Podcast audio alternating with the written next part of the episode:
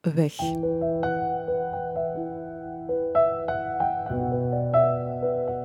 Deze podcast begint omdat zoveel dingen eindigen. Omdat je onderweg zoveel kwijtraakt. Als iets of iemand wegvalt, valt er vaak nog veel meer weg. Rouwen is ook een weg die je moet afleggen, seizoenen die je moet doorlopen. Wat je verliest is weg. Daar gaat het over. Over wat was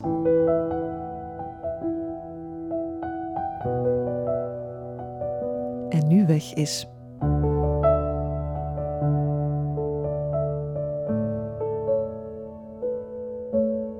Vandaag heeft Charlotte de weg gevonden. Dag Charlotte. Dag Sophie. 30 juli, dat is voor jou ongewild een heel speciale datum. Hè? Ja, dat klopt. Wat is er Ehm, dan gebeurd? Dan is mijn broer gestorven. Na een, een, ja, hij was twee jaar en een half ziek. Hij had een hersentumor. Allee, eigenlijk een paar hersentumors. Ja, dat was een beetje zijn aftakelweg. En is dan gestopt. Eh, dus dan is hij gestorven. En je hebt dat van heel erg dichtbij meegevolgd. Ja, eigenlijk wel. Ik heb eigenlijk heel vaak... Allee, wij hebben eigenlijk met heel de familie heel vaak voor hem gezorgd. En ook zijn laatste elf dagen eh, lag hij eigenlijk op de palliatieve dienst, de Vlinder. Ehm, ja, dan zijn we eigenlijk zo vaak mogelijk daar naartoe gegaan. Ehm, ook al wist hij het zelf eigenlijk niet meer echt altijd. Ja, en we da- zijn we daar toch zoveel mogelijk bij geweest. Eh, en ook het moment dat- zelf dat hij echt gestorven is, waren we er ook eigenlijk bijna met allemaal bij. Je zegt hij is 2,5 jaar ziek geweest. Ja. Gaan we dan even terug naar de diagnose? Ja. Kwam die uit het niets of hadden jullie al langer vermoedens dat er iets Ja. niet klopte? Ja, ik had, ja, hadden eigenlijk wel vermoedens. Voor mij, allee, het was sowieso een schok hè, eh, als die diagnose kwam. Maar ehm, ja, ik, ik, als er iets is, dan bekijk ik altijd dokter Google. ik weet dat dat niet goed is, maar... eh, dus ik had het wel al meerdere keren zien passeren, het woord. Ehm, en gehoopt dat het niet zo was, maar het was wel zo. Eh, maar hij had eigenlijk al... Dus we hebben eigenlijk begin april, eh, dus nu drie jaar geleden, begin april, die diagnose gekregen. Eigenlijk denk dat hij sinds januari zo regelmatig kleine aanvalletjes had. Waar dat hij zo opeens een paar minuten zo niet wist, niet, niks meer kon zeggen of zo. Eh, zo heel raar. En dat hij zo zelf een beetje ongerust over was. Maar ik weet nog, mijn mama is in maart jarig. En op, op haar verjaardag waren we samen. Dat hij zei van ja, ik had toch een keer... Allee, ik, had, toch een afspraak gemaakt bij de dokter voor te laten onderzoeken. Want het is echt raar. En dan, mijn verjaardag is begin april. En het was dan Pasen ook, dus waren we, we waren voor een paasontbijt samen. En had hij eigenlijk de dag ervoor op spoed gezeten, eh, omdat hij eigenlijk een heel zware aanval had gehad. En dat heeft een half uur geduurd, dat hij eigenlijk niks meer kon zeggen. En dat hij, als hij iets zei, dat er eigenlijk gewoon wartaal uitkwam. Dus ja, is hij, is hij naar dingen geweest en dan zeiden ze op spoed van, ja, weet je, ehm, ik denk dat ze zijn kom woensdag terug hé, en we gaan dan onderzoeken doen.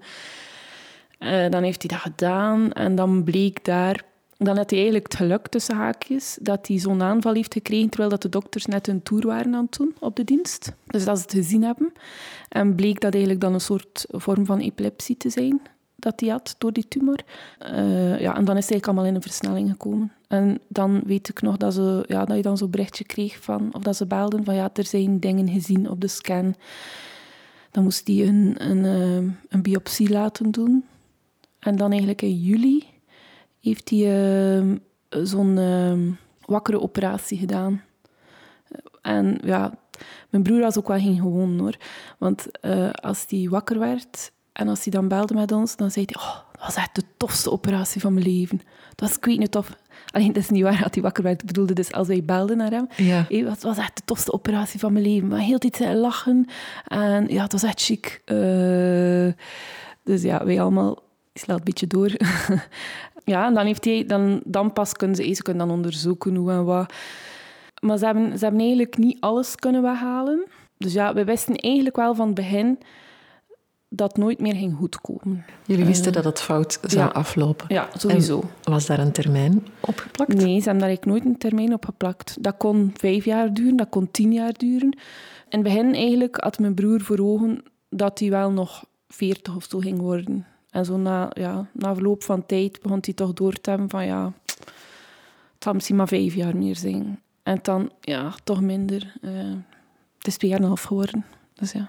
Bij het begin van die diagnose werd dan ook snel zijn leven afgepakt zoals hij dat Ja, kende. Niet meer ja. gaan werken.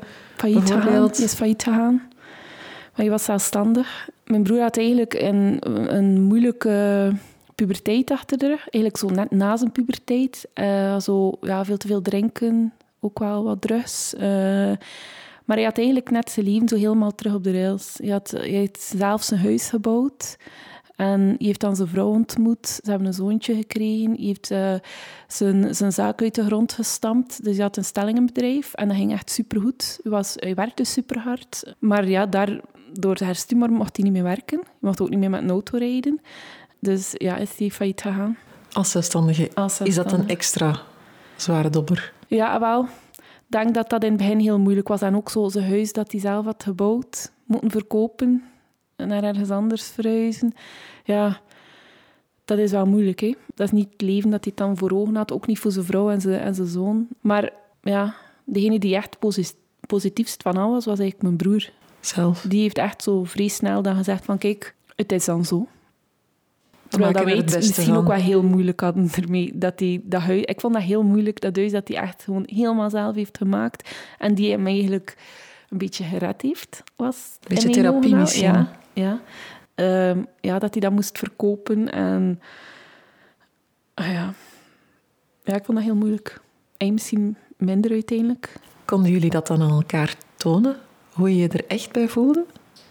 Ehm, hij had niet zo heel graag dat we heel verdrietig waren bij hem, denk ik. Dus we hebben dat een beetje ingehouden. Allee, hij, hij vond dat niet zo... Ik weet nog, het moment dat we de diagnose hadden gekregen, zijn we allemaal zo naar mama zijn huis gereden en hebben we daar allemaal zitten wenen. Precies of dat hij al dood was eigenlijk. En als hij toekwam met zijn vrouw, dan was dat wel heel moeilijk voor hem. Want hij moest hem dan heel tijd bezighouden met ons te troosten. Terwijl dat hij net het nieuws had gekregen dat hij niet meer lang ging... Dat hij niet meer zo lang te leven had. Eh, dus zij zijn daar eigenlijk niet lang gebleven en zijn eigenlijk direct op weekend vertrokken. Eh, of op een klein reisje. Dus kon, ik kon wel praten met hem, maar ja, hij, hij had het liever niet te serieus erover. Hoe was jullie relatie dan in die tijd? Of, of hoe ging dat dan? Was het alsof er niets aan de hand was als jullie dan toch samen waren? Of? Mm, nee, we praten, eigenlijk maakten we er veel mopjes over. Beetje zwarte humor misschien. Ehm, dat was wel zijn ding. Wij hadden eigenlijk vroeger misschien niet zo'n heel goede relatie. Dus het was eigenlijk net aan het beet, het was eigenlijk echt net aan het beteren. En ja, ik, ik ben dan heel veel beginnen wandelen met hem. Zo een wandelingetje gaan doen of een keer langs gaan. Ehm, omdat we ook niet wilden dat hij te veel thuis was. Want als hij al zo erg aanvallen begon te krijgen. hé, dus we hadden wel zo samen een kalender eh, met heel de familie. En hij had daar wel heel veel deugd van. Van iedereen als op zijn toer een keer te zien. Dus ik kan gelukkig wel zeggen dat onze relatie heel mooi afgesloten is. Hij had ook een zoontje op dat moment. Ja. Één jaar ongeveer. Ah ja, dan inderdaad, één jaar zal dat geweest zijn dan. Hebben jullie dat tegen hem verteld? Ja, ehm, eigenlijk mijn schoonzus, die, die heeft daar ook wel zo al wat boeken rondgelezen al over rouwen. En eh, zij was zo, wou ook zo van het begin van, ik wil daar gewoon eerlijk over zijn. En had ook gelezen van, je mag het woord kanker niet eh, zo weglaten of zo. Dus hij wist eigenlijk gewoon heel snel, mijn papa is ziek. En er zit een knobbeltje in zijn hoofd. Ja, er zit een knobbeltje in zijn hoofd en hij zal doodgaan. Kinderen gaan daar soms Ja. heel vrij en heel Ja. makkelijk mee om. Hè? Ja, ja, dat is soms wel... Ik weet nog dat ik, ik, ging ook regelmatig hun zoontje gaan halen. eh, dus dat hij dan bij ons kon komen spelen. Nu nog altijd trouwens. En eh, eigenlijk in de autorit van Oostkamp naar Brugge, dan, dan was hij altijd zo aan het vertellen. Ja, mijn papa die heeft een knobbel in zijn hoofd en hij zal doodgaan. Maar als je wilt, tante Lotje, kunnen we een keer samen naar de begraafplaats gaan. Dan kunnen we een keer samen gaan als je verdrietig bent. Eh, dus ja, dat was wel... Dat is soms wel heel ontroerend. Ja. Mhm. En wat opmerkelijk is, Charlotte, er zijn nog kindjes gekomen. Ja, eigenlijk toen dat hij dus eh, ziek was, eh, zijn ze dan terug zwanger geworden. Eh, en het bleek dan een tweeling te zijn. En dat is misschien een rare vraag, maar was dat een bewuste keuze om dan Ja, nog een was- kind te krijgen? Ja, dat was wel een bewuste keuze. Ehm, ja, ja, ik weet niet zo goed wat ik daar eigenlijk over kan vertellen, maar dat was wel een bewuste keuze. Ehm we hadden in het begin zo wel van, oeh, slik, die gaan hun papa misschien nooit kennen. En dan is hij dus eigenlijk gestorven voordat ze geboren waren. Waar dat, dat klinkt misschien heel raar nu, maar waar dat ik dan misschien eigenlijk ook blij voor was. Gewoon omdat uh, ik, was, ik zat met een hele grote angst eigenlijk dat ze ging moeten bevallen terwijl dat hij net aan het sterven was. Of ja, daar zat ik vreemd mee in, dat hij zo in, in, de, in de vlinder ging liggen en dat zij ging moeten bevallen en dat ze dan ging moeten denken, want dan ging ze veel te vroeg bevallen zijn, uh, van moet ik, nu, moet ik nu naar mijn kindjes gaan, moet ik nu naar mijn man die aan het sterven is en mijn, en mijn zoontje nog, uh, naar wie moet ik nu, aan wie moet ik nu mijn aandacht geven? Uh, daar zat ik vreemd mee in, maar het is dus anders verlopen. Hè. Anderzijds heeft hij zijn kinderen nooit gezien, zijn twee jongste. Nee, maar ik denk eigenlijk ook dat, dat, dat hij daar niet meer zo mee bezig was op het einde. Dat, ja, dat was like, dat was like zo voor wanneer dat hij er niet meer was. Dat is wel heel raar, hè? Ja, maar je moet ook weten dat hij eigenlijk de laatste maanden voordat hij gestorven is, ook niet meer de Sander was dat wij kenden. Mhm. Ehm, dat was, allee, hoeveel keer dat, wij niet, dat ik niet heb gezegd als ik thuis kwam, van pff, elke keer dat ik naar daar ga, is er een stukje weg van hem ja, soms, soms herkende hij je niet meer als, als je toekwam. Dan zag je zo een blik in zijn ogen van, wie is dat? Dan, uh, dan opeens had hij het wel weer door. Ik kon ook niet meer, bijna niet meer praten. En ik denk dat dat stuk er precies niet meer was op het einde. Mijn oma is ook gestorven aan een hersentumor. En bij haar is dat proces eigenlijk heel snel gegaan. Ja. Op drie weken tijd Amai. van, zoals ik mijn oma ken, naar... Zij wist niks meer. Ja.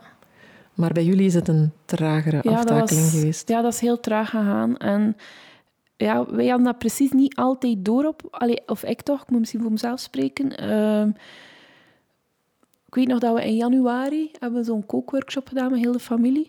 En dat zijn vrouw daarna zei van, ja, ik heb eigenlijk al... Dat is niet meer, dat is niet meer de man dat ik ken. Eigenlijk sinds eind vorig jaar, sinds december, heb ik dat gevoel van, dat is niet meer Sander. En toen schrok ik wel, want ik had dat zo precies nog niet ervaren. Maar dan is dat wel elke keer meer begin komen van... "Oef, amai, inderdaad, als je zo een beetje langer bij hem was... Ik denk dat hij zich vaak beter voordeed dan dat hij, dat hij zo... Ja, ik kon zo vaak heel domme mop maken en zo heel druk doen. En ik denk dat dat ook een beetje was om te coveren... Allee, hoe zeg je het? Om, om Te verbergen. alsof... Ja, om te verbergen. Hoe erg het, Eh, hoe ja. slecht het eigenlijk echt ging.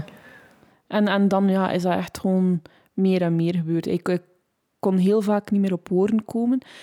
Eh, nu, wij hadden, wij hadden dat precies allemaal een beetje in de familie. Ik vermoed dat dat dan een beetje stress was. Allee, ik heb dat nu nog altijd vaak, dat ik aan het praten ben en dat ik zo in het midden van mijn zin niet meer weet over wat ik aan het praten ben. Eh, dus dat had hij gewoon echt continu. hè. En hij kon niet op woorden komen. En dan ja, eh, zijn we daar ook heel vaak mee beginnen lachen. Eh, maar omdat hij daar zelf ook mee lachte. hè. En hij, hij lachte dan heel hard met ons als wij het hadden. Dus die humor, dat was dan zo wel een beetje de rode draad vaak, als we daar waren. Want ja, hoe ga je daar als familie mee om? Hè? Met de dood in de ogen kijken eigenlijk? Ehm, ja, ik vond dat wel een moeilijk proces. Ik denk dat ik het ook vaak zo erger heb gemaakt in mijn hoofd dan dat het dan... Allee, het is, het is erg en ik vind het heel moeilijk dat hij er niet meer is. Maar ik heb heel vaak zo zitten denken... ehm, oh, en dan gaat dat gebeuren. Oh, mama en papa gaan dat niet aankunnen. Ehm, en oeh, die gaat zoveel verdriet hebben en die gaat zoveel verdriet Oh, wat gaan we dan moeten doen? Ehm, Terwijl dat, dat uiteindelijk allemaal wel liep. En iedereen gaat, gaat met zijn verdriet om. En ja, iedereen heeft wel veel verdriet. Maar er zijn ook wel goede dagen. En het leven gaat voort. ja, voilà. Eh, en ik had eigenlijk gedacht van... Oh, als die gaat sterven, alles gaat stoppen. En heel mijn familie, die gaan, die gaan volledig de draad kwijt zijn. Helpt het, denk je, dat je een beetje voorbereid bent? Dat je weet dat Ja. hij er niet meer gaat zijn? Ja, ik denk het wel. Hebben jullie echt afscheid kunnen nemen? Ja, ik weet niet, het is, dat is, zodanig, dat is zodanig traag gegaan elke keer en dat er elke keer een stukje van hem weg was, dat je zo op het einde geen serieus gesprek meer met hem kon voeren. Dus ik weet nog dat ik de laatste dagen, als ik bij hem was, eigenlijk de dag zelf, was ik daar 's ochtends met mijn dochter nog, want ze wou ook nog een keer meegaan. En heb ik, oh, ik vond het zo erg hoe dat hij daar lag en hoe dat hij was zo heel luid aan het snurken. En ik had er zo'n slecht gevoel bij dat ik in zijn oor heb gefluisterd van, oh Sander, ga maar, echt waar. Eh, het is goed geweest nu. Het lang genoeg getrokken, ga maar. En mijn papa heeft dat blijkbaar ook gedaan. Ik vermoed dat er misschien nog geweest zijn die dat gedaan hebben. Dus in die zin heb ik wel afscheid genomen. Maar het is niet dat ik daar echt heel serieus met hem over gepraat heb. Het is niet dat jullie op voorhand hebben gezegd, of dat hij heeft gezegd, ik wil graag in mijn begrafenis dat die muziek wordt afgespeeld, of dat er dat gebeurt. Nee, je wou daar like niet over praten. Of met mij toch niet. Misschien met zijn vrouw wel, hè. maar uh, ja, je wimpelde dat altijd af.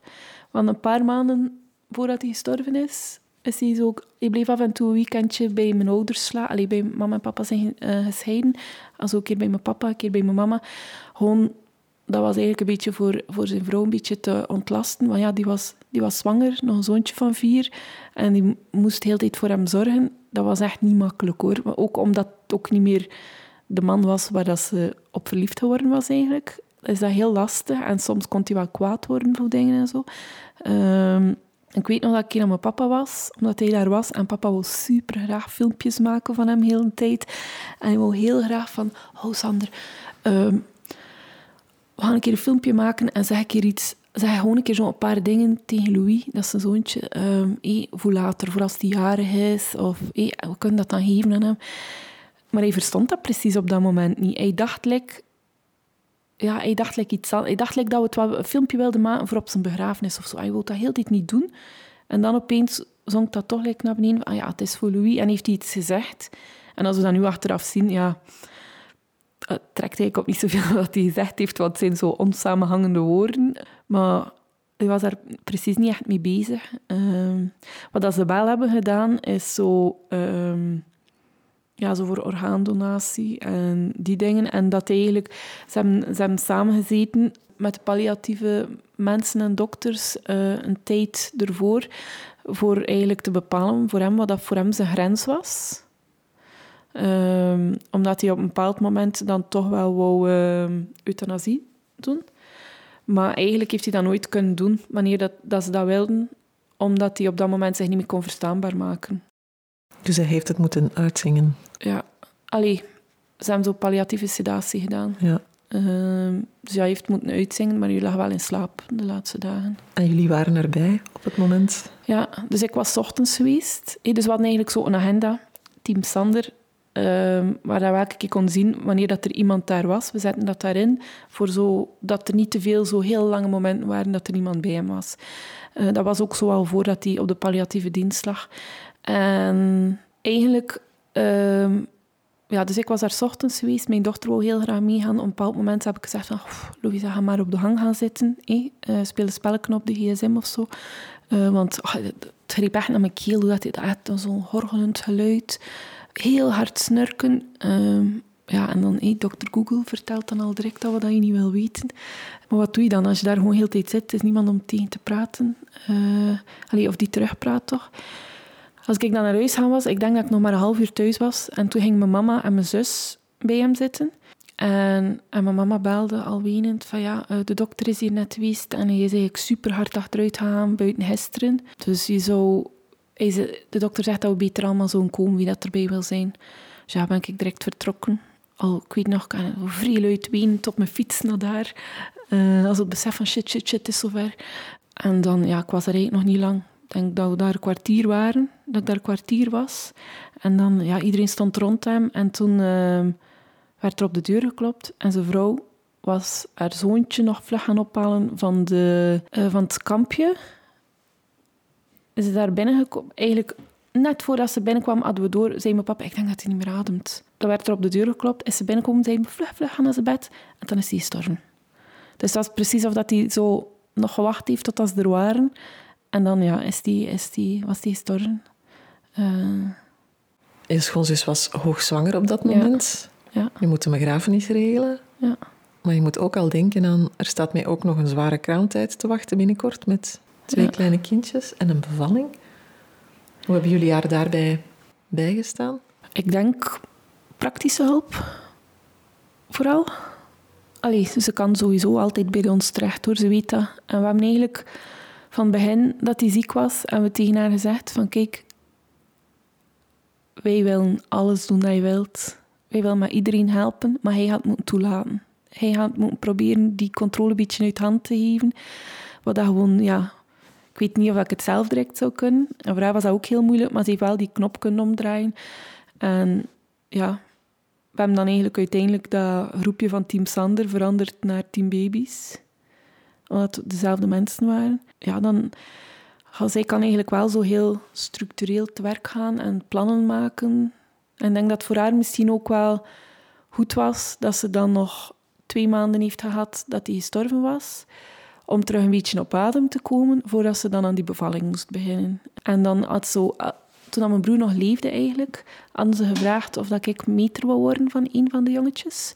En, ehm, en dan zat er nog een briefje bij of dat ik ook bij de bevalling wou zijn voor haar te sturen, samen met haar zus. Dus dat was wel echt heel, ik was er echt heel van geëmotioneerd. Ja. Dat ik dat vertrouwen kreeg. Uh, voor, me, ja, voor mij voelde dat een beetje voor mijn broer te vervangen.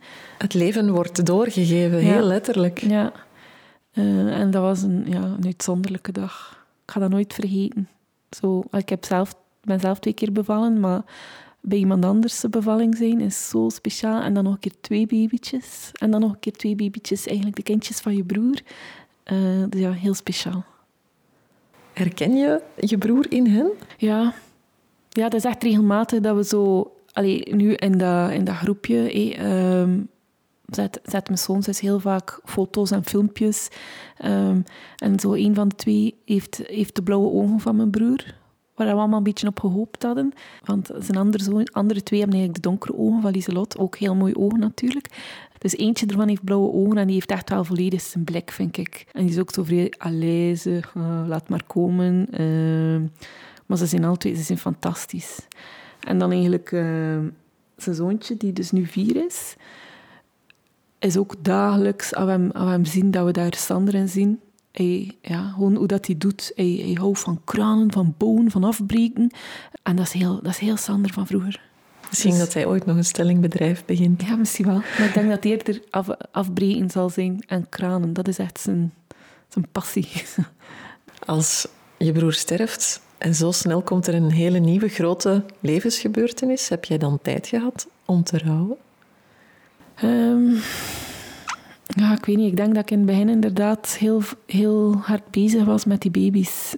En ja, ik denk dat ik misschien dat rouwen een beetje aan de kant heb geduwd. Wat dat dan ook ik ben eigenlijk in ziekteverlof. Ik ga bijna terug gaan werken. Maar ik heb dan zo eind december toch precies een beetje een krak gekregen. Ik dacht dat alles goed ging, Wim, maar het was echt zo één pijnlijke opmerking dat ik had gekregen van iemand die ook eigenlijk zelfs helemaal zo niet bedoeld was, maar dat ik zo had opgenomen. Um, en ik ben bij ween en ik ben niet meer gestopt met ween. Dus ja, ben naar de dokter gegaan en ik was blijkbaar dan ook volledig overprikkeld. kon geen lawaai meer verdragen. De kindjes die aan het, een beetje ruzie aan het maken waren, de tv die aan stond, dat kwam precies allemaal tien keer harder binnen. Dus ik heb dan echt besloten van oké, nu ga ik tijd nemen voor mezelf en ga ik ook uh, ja, daar echt, echt aan denken, aan dat rouwen. En ben een keer weekendje alleen weg geweest naar de zee. En ik heb dan misschien wel een beetje het geluk nu dat corona is want dat maakt dat, dat ik ook die tijd durf te nemen op mijn werk. Alleen tijd voor mezelf durf te nemen. En omdat er nu ook voor mij niet heel, heel veel werk was. Uh, dus dat ik ook niet zo hard gemist werd. Anders zijn ik waarschijnlijk al veel rapper terug geweest zijn. Maar ik voel dat zo heel op en neer is. Ja, ik kan zo denken van, ah, het gaat vrij goed en de volgende dag, heel dag wenen. En nu denk ik, heb ik weer het gevoel dat het heel goed gaat. Maar dan ging ik eigenlijk begin april terug gaan werken progressief. En dan ik, ik ben dus begin april jarig. Hè. Uh, en heel de week ervoor ah, was ik al vrij onrustig. En ik was, omdat het ging mijn eerste verjaardag zonder mijn broer zijn. En ik heb, heb ik echt... Uh, ja, ik was precies heel tijd allemaal dingen aan het zoeken om er een heel toffe dag van te maken, zodat ik er zeker niet aan zou denken. En alles mislukte de hele tijd. Ik kon normaal met tien personen samen zijn de week ervoor is dat afgeschaft. Dan mocht je terug maar met vier. Dus ik kon eigenlijk weer bijna niemand uitnodigen uh, in de tuin. Uh, ik wou dat het mooi weer was. De woensdag was super mooi weer. De vrijdag, ik weet nog, reis. En ja, ik had zo voor me mooi weer, muziekje, cocktailtje. Uh, dus dat ging ook allemaal niet. En ik wou dan eigenlijk... Ik, wou, weet niet graag... Dus het klinkt heel dom, hè. ik vind het belachelijk als ik erover praat, maar ik wou heel graag een tuinlounge hebben. Als mensen kwamen, dat we dan gezellig buiten konden zitten. Ik had die gevonden, prijsgewijs, oké. En dan bleek die toch niet aanwezig te zijn in de winkel. En ik ben weer beginnen wenen. En ik ben weer gewoon heel de dag niet stop met wenen. Van, ik kon gewoon niet. Vanaf dat er iemand iets zei, moest ik beginnen wenen. En toen zei mijn vriend van, ja, liefke, zo kan je toch niet terug gaan werken. Als er iemand tegen jou praat, ben je te wenen. Uh, en toen moest ik nog harder wenen, omdat ik ook wel door had dat het wel waar was wat hij zei. Dus ja, ik wou ook helemaal niet terug gaan werken, om dan twee dagen later terug te stoppen. Dus ja, gelukkig heb ik echt een, een huisdokter die me supergoed steunt. Een therapeut die, allee, waar ik me ik weet niet thuis bij voel. Ik alles tegen kan zeggen. En ja, ik voelde me wel heel gefaald eigenlijk. Eigenlijk zo... Is dat misschien wel een beetje wat ik zo in mijn rouwproces vaak, dat vaak naar boven gekomen is. Dat ik me vaak gefaald voelde. Falen in wat dan? In er zijn voor iedereen. Want als ik voor mezelf moest kijken, kon ik er niet voor de anderen zijn. Uh, en... Dat is het principe van het vliegtuig. Hè? Als je niet zelf eerst zuurstof neemt, inderdaad. Kan je voor niemand anders ja. belangrijk zijn. Hè? Uh, ik weet het. En dat is voor, allee, het heeft me geholpen. Bijvoorbeeld mijn therapeut heeft gezegd van... Charlotte, denk een keer aan wie dat je allemaal helpt door voor jezelf te kijken. als hij niet voor jezelf kijkt, dan ga je jouw kindjes niet kunnen helpen. Ga je, jou, ga je er niet kunnen zijn voor je vriend, want je gaat heel dieper gaan. Dus als hij nu voor jezelf kijkt, ga je dat binnenkort wel weer kunnen. Dus die gedachte ik wel zo van... Ja, dat is waar. Maar ja, ik voelde me wel gewoon heel gefaald van kan er nu niet zijn voor mijn mama en papa. En zij zijn hun kind verloren en nu moeten ze voor mij kijken. En nu, dus in april was dat weer zo, begin april, dat ik dacht van, ik was in orde en nu weer niet. Uh, ja. Neem je tijd. Ja, ik weet het. Maar ik, voel echt dat het zo, ja, dat is, dat is een beetje mijn rouwproces hoor. Het gaat op en neer. Het ene moment besef ik dat volledig en als ik dan heel verdrietig ben, dan voel ik me gefaald. Uh, dat, is, dat is op zich heel normaal dat dat op en neer gaat, denk ik. Maar je hoeft je helemaal niet gevald te voelen. Dat weet je waarschijnlijk met je hoofd ergens rationeel wel, maar... Maar het gevoel is soms anders. Je hebt wel samen met andere mensen nog de energie gevonden om iets te organiseren. Ja. Voor jouw broer? Het heeft wel heel veel energie gekost. het was eigenlijk het idee van mijn schoonbroer. Die heeft vorig jaar... Uh, ja, zo is dat een ultra, ultra? Ik weet het niet juist, maar ja, iets heel zot gedaan. Eh. Dat heeft mijn broer nog geweten, alleszins. Um, en hij zei van, ik zou graag voor het goede doel iets doen en dat nu opnieuw doen, maar nog een stuk, een stuk zwaarder. Zegt hij, ik ga gewoon de vrijdag, allez, gewoon, ik ga de vrijdag uh, eh, 10 kilometer zwemmen, de zaterdag 300 kilometer fietsen en de zondag 70 kilometer wandelen langs de kustlijn. En hij zei, en iedereen die wil mag mee wandelen. Um, en ik ja, had in, een... Um, verbijstering in mijn hoofd had ik gezegd: Oké, ik doe mee met wandelen. Terwijl ik helemaal niet graag wandel. Dus ja, dan had hij eigenlijk gezegd: van ja, ik ben precies van, niet veel mensen aan het horen dat ze wel meewandelen. Uh, ik, maar ik kan echt niks organiseren. Ik kan dat niet. Zie dat niet zitten om te helpen. Ehm, dus dan dacht ik: Oké, dat ga ik doen. Maar dat werd heel dit groter en groter. En um, ondertussen hebben we een VZ2 opgericht. Gewoon omdat we zelf ook ingedekt willen zijn als er iets gebeurt of zo. Ik, ik wil gerust veel doen om geld op te halen, maar ik wil niet dat ik er persoonlijk... Je weet nooit wat er gebeurt. Hè. Dus gaan er nu, kreeg daar pas een berichtje, net geen 600 mensen meewandelen. Um, Wauw. Ja, allee, het, is, het is natuurlijk um, in verschillende etappes. Dus het is eigenlijk, het begint in, in de pannen. En dan gaan we heel de kustlijn afwandelen. En er zijn instappunten op 40 kilometer, 20 kilometer, 10 kilometer en 5 kilometer. En ik denk dat we met ja, 60, 70 tal mensen zijn die de 70 kilometer gaan doen. Ja, en ik ga dat zelf ook proberen. Uh, dus ik ben eigenlijk al... Dat is eigenlijk ook um, een deel van mijn rouwproces, denk ik, dat wandelen. Je moet wandelen, je moet trainen. Ja, ja, ja, ja anders gaat dat niet. Ehm, maar ik ben dus eigenlijk altijd... Ik was altijd meisje die achteraan liep in een wandeling en aan het klagen was en aan het vragen was hoe lang dat nog ging duren. uh, en nu ga je 70 kilometer wandelen. Ik, ik, ga het proberen. ik weet nog niet of dat gaat lukken. Maar dus ben ik beginnen wandelen met mijn vriendinnen eigenlijk. Die steunen mij daar enorm in. En die zijn... Ehm, we zijn heel vaak elke zondag gaan wandelen. elke keer een beetje meer. En nu gaan zij wel de 70 niet meer doen, uh, omdat dat gebleken is dat het gewoon lichamelijk moeilijk werd, uh, allee, fysiek moeilijk werd.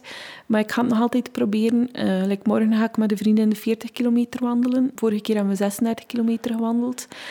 En eigenlijk is dat wel heel helend gebleken, dat wandelen.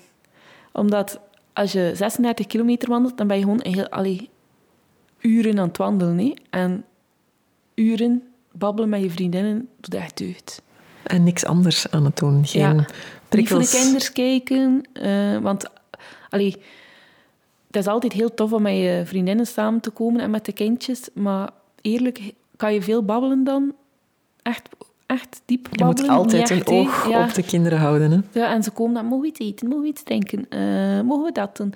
En nu is het echt gewoon uren babbelen over je diepste gevoelens, over ja, hoe dat hij dingen ervaart. Dat ging daarvoor niet altijd over serieuze dingen, ook leuke dingen, maar, maar nog, ik weet nog, luid zitten zingen en lachen. En, ja, maar voor mij is dat wel heel helend eigenlijk. Jullie, het is de bedoeling dat jullie ook centjes gaan ophalen. Waar gaan die naartoe gaan? Naar de Vlinder. Dat is de palliatieve dienst waar mijn broer lag. Dat was eigenlijk voor ons redelijk rap duidelijk dat we dat wilden. Uh, omdat we allemaal wel aangedaan waren hoe dat hij daar verzorgd werd. Ik ben daar eigenlijk ook een keer een nacht blijven slapen. Ik was op reis. Allee, op reis in, in, de, in Popringen of daar ergens. Ehm, en, en dan had ik ochtends een berichtje gekregen van... Ja, hij, is, blijkbaar super emotioneel geweest. Heeft zitten wenen bij de verpleger. En dan... Uh, mijn hart brak gewoon omdat dan nog niet veel gebeurd was, dat hij emotioneel was geweest. Dus ik dacht van, god, die voelt het precies komen. Hè. Ik moet terug. Dus ben teruggekomen en, en ik ben daar blijven slapen, omdat ik niet wou dat hij alleen was s'nachts. Eerst vond hij dat niet zo heel tof eigenlijk, omdat hij zo het gevoel had dat hij bij gecontroleerd werd misschien. Uh, maar ik heb hem wel snel duidelijk gemaakt van, je moet niet heel tijd met me babbelen, want dat kostte hem heel veel moeite voor te proberen iets te zeggen ik ga gewoon daar in de hoek zitten, we gaan samen tv kijken en als er iets is vannacht, ga ik jou helpen. Hè? En dat was eigenlijk oké. Dus regelmatig moest hij, hoorde ik hem recht komen, dan moest ik super snel naar daar gaan, omdat hij naar het toilet moest. En die, die verpleging komt gewoon direct. Allee, dat is echt zo anders dan op een andere dienst, want ja, ze, hebben ze hebben ook wel minder patiënten, dus ze kunnen echt tijd maken voor hun patiënten. Wou die bij manier van spreken in het midden van de nacht op terras gaan zitten buiten, dan kon dat, dan mocht dat. Dus wat dat, het was alles voor hem zo gemakkelijk mogelijk te maken. En ook ja, gewoon hoe dat ze met hem omgingen, hoe zo lief, zo, dat deed ons heel veel deugd eigenlijk. Dus zijn wij naar daar geweest en hebben we gevraagd van, is er iets waar we jullie financieel kunnen bij helpen? En dan zeiden ze, oh ja, er is wel zo'n droom, dat we, maar dat altijd aan de kant wordt geschoven, omdat het wel redelijk veel geld is. Allee, want ze hebben wel budgetten en zo. Hè. En dat was eigenlijk om een overkapping van hun terras te maken, zodat de mensen die daar komen om te gaan eigenlijk, um, dat zij ook buiten kunnen zitten, ook als het geen, als het geen schoon weer is. Dus daarvoor zijn we aan het sparen. Um, al het geld gaat eigenlijk... Allee, er is niks voor ons, het gaat allemaal naar daar. En dat gaat er komen dankzij jullie en dankzij Sander eigenlijk. Ja, voilà. Dat is mooi, hè? En ik voel van mezelf ook dat ik heel hard aan het zoeken ben om zin te geven, misschien, aan zijn dood. Allee, het zal nooit zinvol geweest zijn, maar nu, als we dat geld hebben opgehaald, dan is er een klein beetje zin, is het een klein beetje zinvol. Is het niet voor niets geweest? Ja, is niet voor niets geweest, want gaan nu mensen daar dan wel deugd van kunnen hebben. Ja, en ook met die tocht eigenlijk. Ik heb al van zoveel mensen gehoord dat ze, dat ze er echt deugd van hebben van te trainen. Van, van eigenlijk zoveel met hun vrienden buiten samen te zijn. Omdat ze eigenlijk nooit zelf zo denken, we gaan nog een hele grote wandeling gaan doen. Dus, dus hij brengt eigenlijk mensen samen, hè? Ja, zo voelt dat nu wel eigenlijk. Dat hij nu echt mensen samenbrengt met die tocht. Ehm, en het leuke is ook... Allee, het leuke... Het valt precies allemaal samen, vind ik. Want wandelen was eigenlijk ook het enige dat we nog met hem konden doen. En dat was niet ver, hè. dat was... Ja, mijn laatste wandeling met hem was denk ik 300 meter en dan terug. Uh, allee, in totaal waarschijnlijk 300 meter uh, en dan even op een bankje zitten. En nu gaan we wandelen, wat we met hem deden. Uh, ja. En hij was ook echt iemand van uitersten. Hij heeft de, heeft de hele sportieve periode ook gehad. Dat hij voor zijn hoofd leeg te maken ging gaan lopen. Dat hij zo achter zijn werk de hele dag in de bouw werken. En dan s'avonds thuis komen en dan denk ik... Ik kan nog niet te veel. Ik ga, uh, ga nog in naar sluis lopen. En terecht. Dus, allee...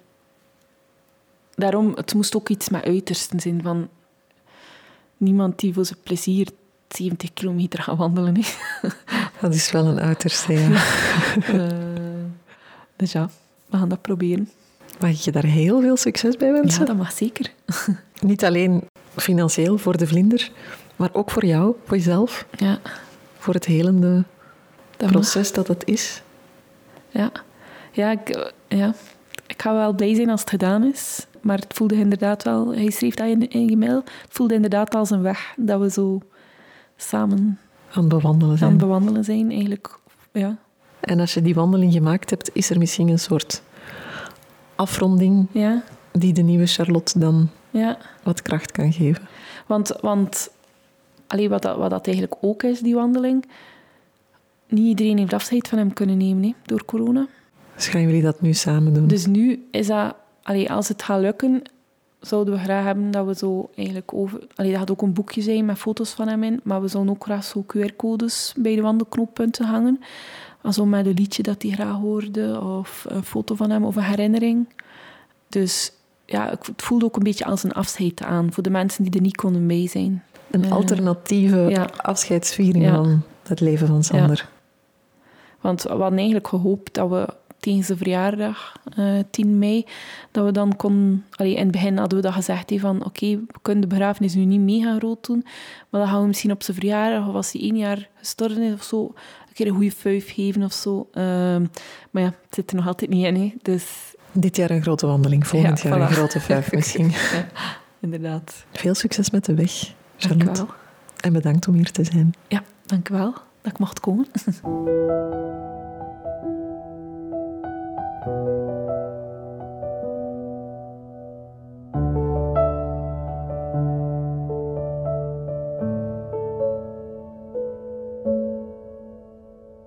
Deze podcast wordt gemaakt door Sophie Verschuren.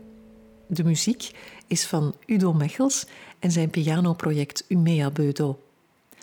Je vindt meer informatie op podcastweg.be.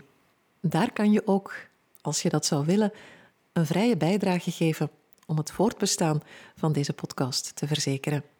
Dank je wel om te luisteren.